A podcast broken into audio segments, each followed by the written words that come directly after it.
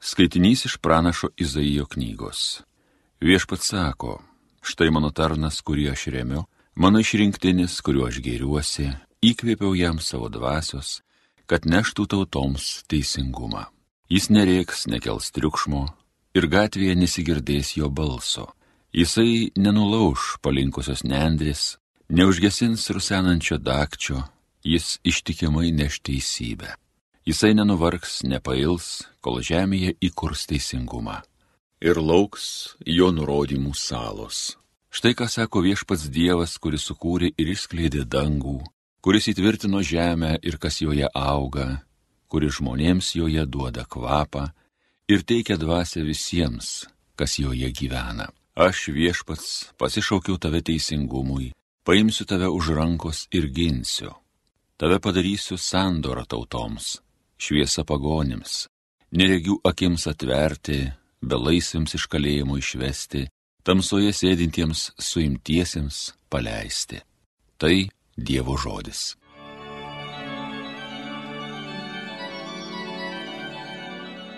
Viešpats mano šviesa, gelbėtojas mano. Viešpats mano šviesa, gelbėtojas mano, ko man bijotis. Viešpats gina mano gyvybę, ko man drebėti viešpats mano šviesa, gelbėtojas mano. Kada mane puola kenkėjai ir tyko suėsti, kurie mane vargina, visi mano priešai, patys sugniūšta, sukniumba. Viešpats mano šviesa, gelbėtojas mano. Jei prieš mane stotų kariuomenės pulkas, širdis mana nedrebėtų. Jei ir karas man būtų paskelbtas, vilties neprarasčiau. Viešpats mano šviesa, gelbėtojas mano. Tikiuosi pamatyti viešpaties gėrį toje šalyje, kur gyvybė, tu viešpaties lauki ir vyriškai elkis, turėk tvirtą širdį, viešpačiu remkis, viešpats mano šviesa, gelbėtojas mano. Garbėtau Kristau, amžinasis žodį, sveikas mūsų karaliau, tik tu pagailėjai mūsų paklydėlių, garbėtau Kristau amžinasis žodį. Evangelija pagal Joną. Šešioms dienoms belikus iki Velykų, Jėzus atėjo į Betaniją, kur gyveno jo prikeltasis iš numirusių lozorius. Ten buvo jam iškeltos vaišės. Morta tarnavo, o lozorius kartu su svečiais vaišinosi prie stalo. Paėmusi svarą brangių tepalų iš grino nardo, Marija patepė Jėzui kojas ir nušluostė jas savo plaukais. Namai pakvipo tepalais. Vienas iš jo mokinių Judas Iskarijotas, kuris turėjo jį išduoti, pasakė, kodėl to tepalo neparduota už 300 denarų ir netiduota vargšams. Jis taip sakė ne tam, kad būtų rūpėję vargšai, bet kad pats buvo vagis ir turėdamas rankose kasę grobstė pajamas. O Jėzus tarė, palik ją ramybėje, į tai laikė mano laitų dienai. Vargšų jūs visada turėsite savo tarpę, o mane ne visuomet. Daug žydų sužinojo jį ten esant ir atėjo ne tik dėl Jėzaus, bet taip pat pamatyti Lozoriaus, kurį jis prikėlė iš numirusiųjų. Aukštieji kunigai dabar nusprendė nužudyti ir Lozorių, nes daugybė žydų per jį atsitraukė nuo jų ir įtikėjo Jėzui.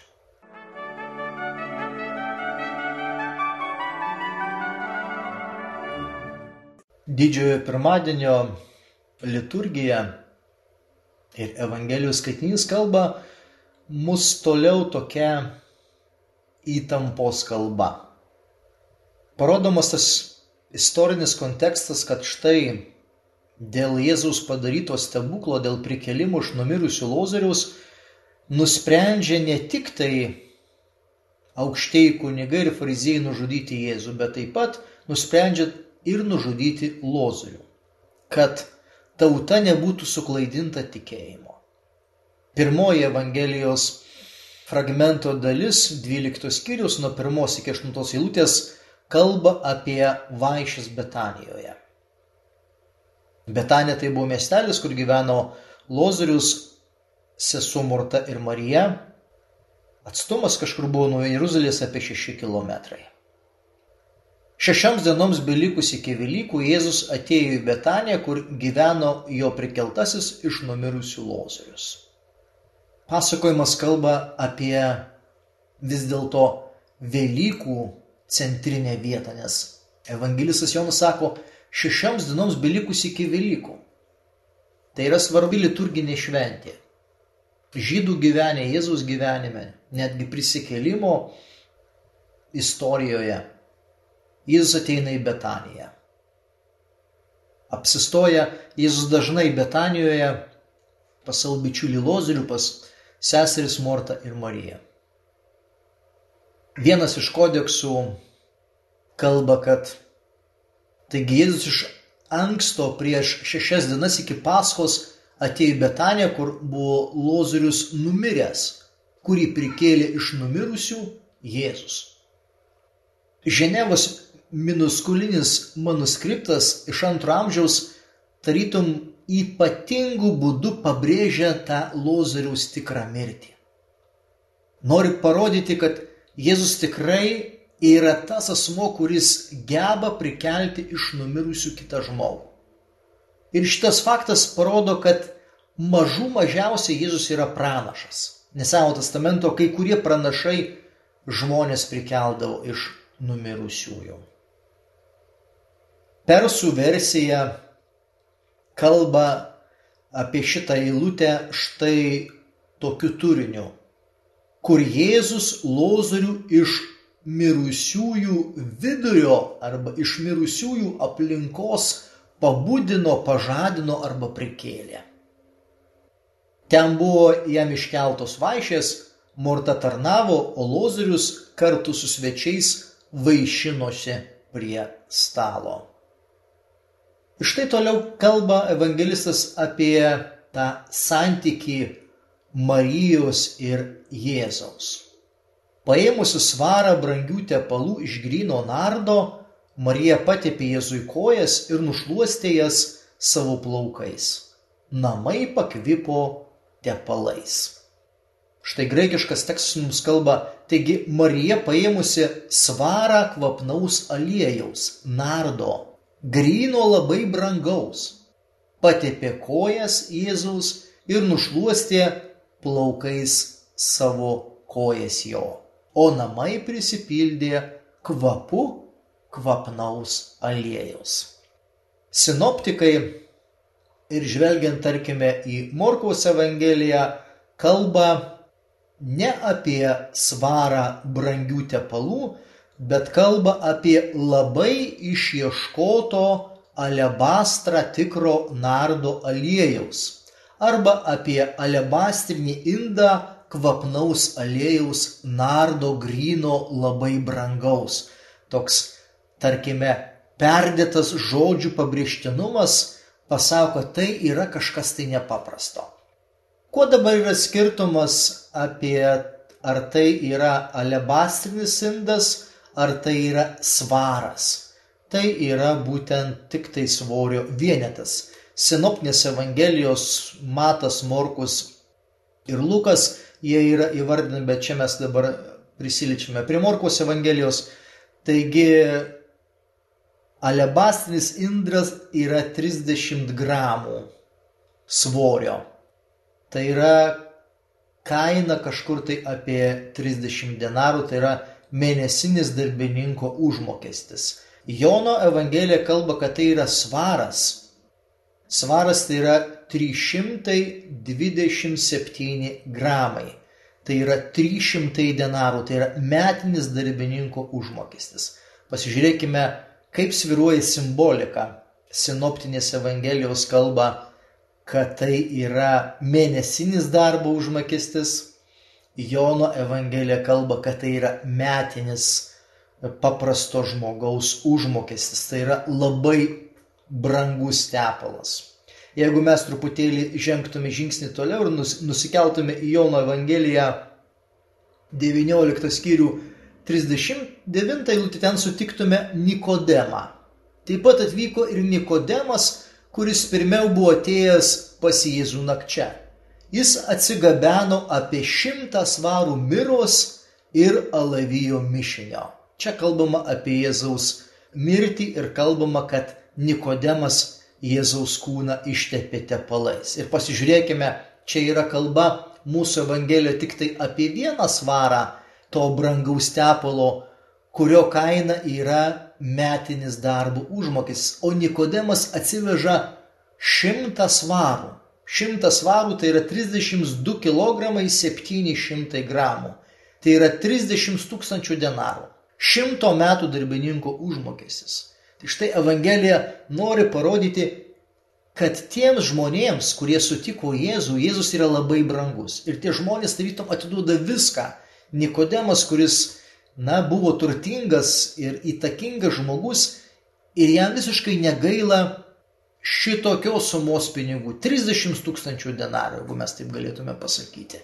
Na, Evangelija labai aiškiai pabrėžia, kad žmogus, kuris sutinka Jėzų, jam iš tikrųjų nieko negaila paukoti arba palikti.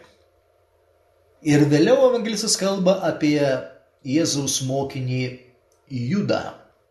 Vienas jo mokinys Judas Iskarijotas, kuris turėjo jį išduoti, pasakė – kodėl to tepalo neparduota už 300 denarų ir pinigų netiduota vargšams. Jis taip sakė, ne kad jam būtų rūpėję vargšai, bet kad pats buvo vagis ir turėdamas rankose kasą grobstė įplaukas.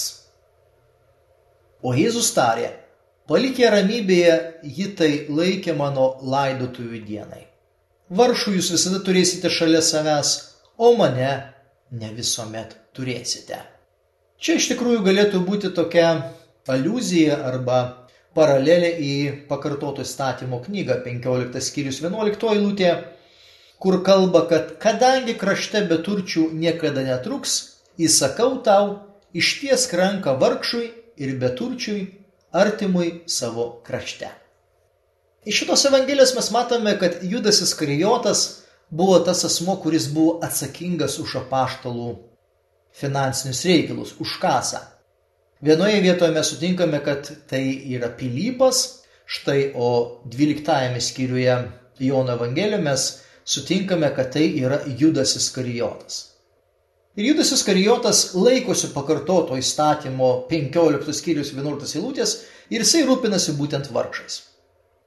Ir čia galėtume pasakyti, kad Judas nesureikšmina šito gesto, kuris buvo padarytas e, Jėzaus atžvilgiu.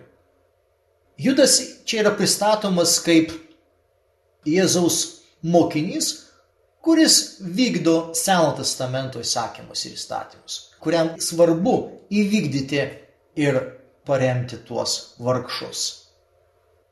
Ir nesvarbu tas toksai, galima sakyti, teologinis kontekstas, nes tai yra patepimas Jėzaus, na, mirčiai laidotuvėms. Judas to nesupranta. Ir aišku, kiti mokiniai to nesupranta. Jiems yra tas gyvenimas čia ir dabar. Mokinių koncentracija, mokinių žvilgsnis būtent susitelkimas į dabartį. Tačiau Jėzus visą laiką eina vieną koją į priekį. Jėzus visą laiką žiūri į ateitį. Nuo 9 eilutės iki 11 eilutės Evangelija kalba apie minę ieško Jėzaus. Daug žydų sužinojo jį tenai esant ir atėjo ne tik dėl Jėzaus, bet taip pat pamatyti Lozoriaus, kurį jis prikėlė iš numirusių. Aukštieji kunigai dabar nusprendė nužudyti ir Lozorių. Nes daugybė arba daugelis žydų per jį atsitraukė nuo jų ir įtikėjo arba įtikėdavo Jėzų. Antroji dalis Evangelijos mes matome, kad vis dėlto kokia yra pasąmonė tų aukštųjų kunigų arba tų asmenų, kurie valdė, kontroliavo religinį kultą Jeruzalės šventyklą. Jiems buvo svarbiausia išsaugoti tikėjimą ir išsaugoti žmonės toje bendruomenėje.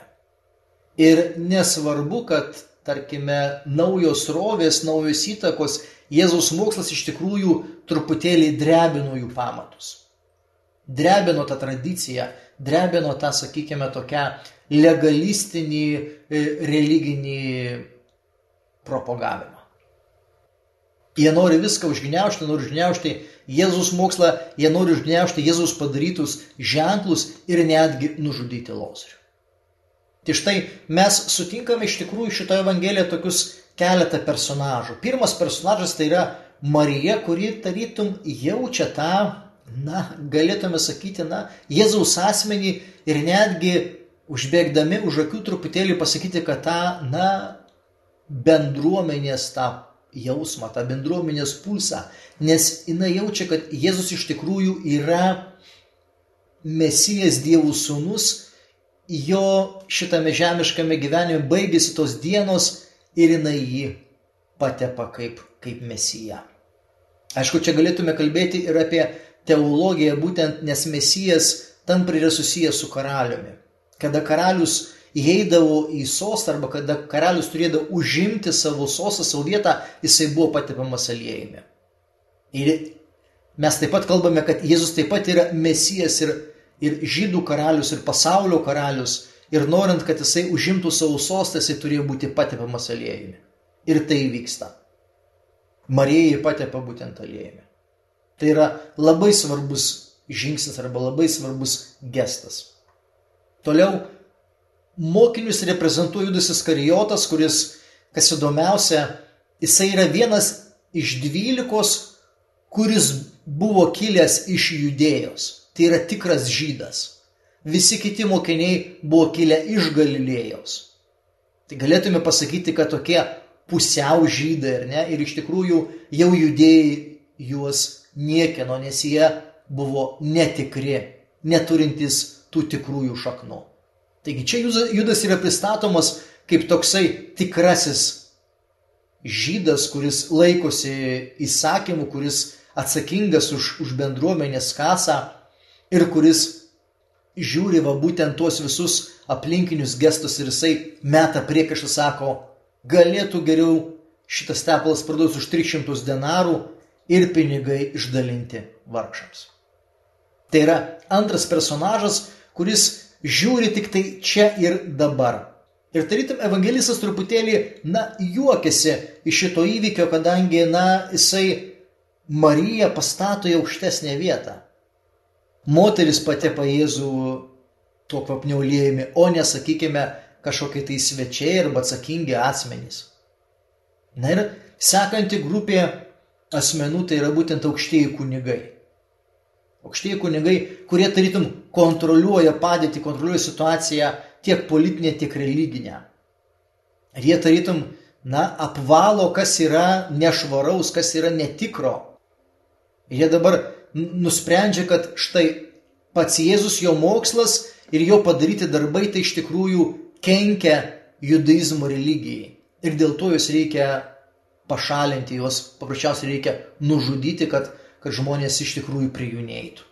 Tai štai mes matome, brangiai, kokios realijos arba kokios buvo idėjos, na, tame evangelinėme laikotarpyje. Ir matome, kad tų žmonių toksai griežtumas ir netgi žiaurumas pasireiškė nekaltiems žmonėms. Bet visame kame vyksta Dievo planas. Dievas nusprendė būtent tokiu būdu atpirkti žmoniją. Tokiu būdu norėjo parodyti savo sūnų ir savo tą begalinę meilę.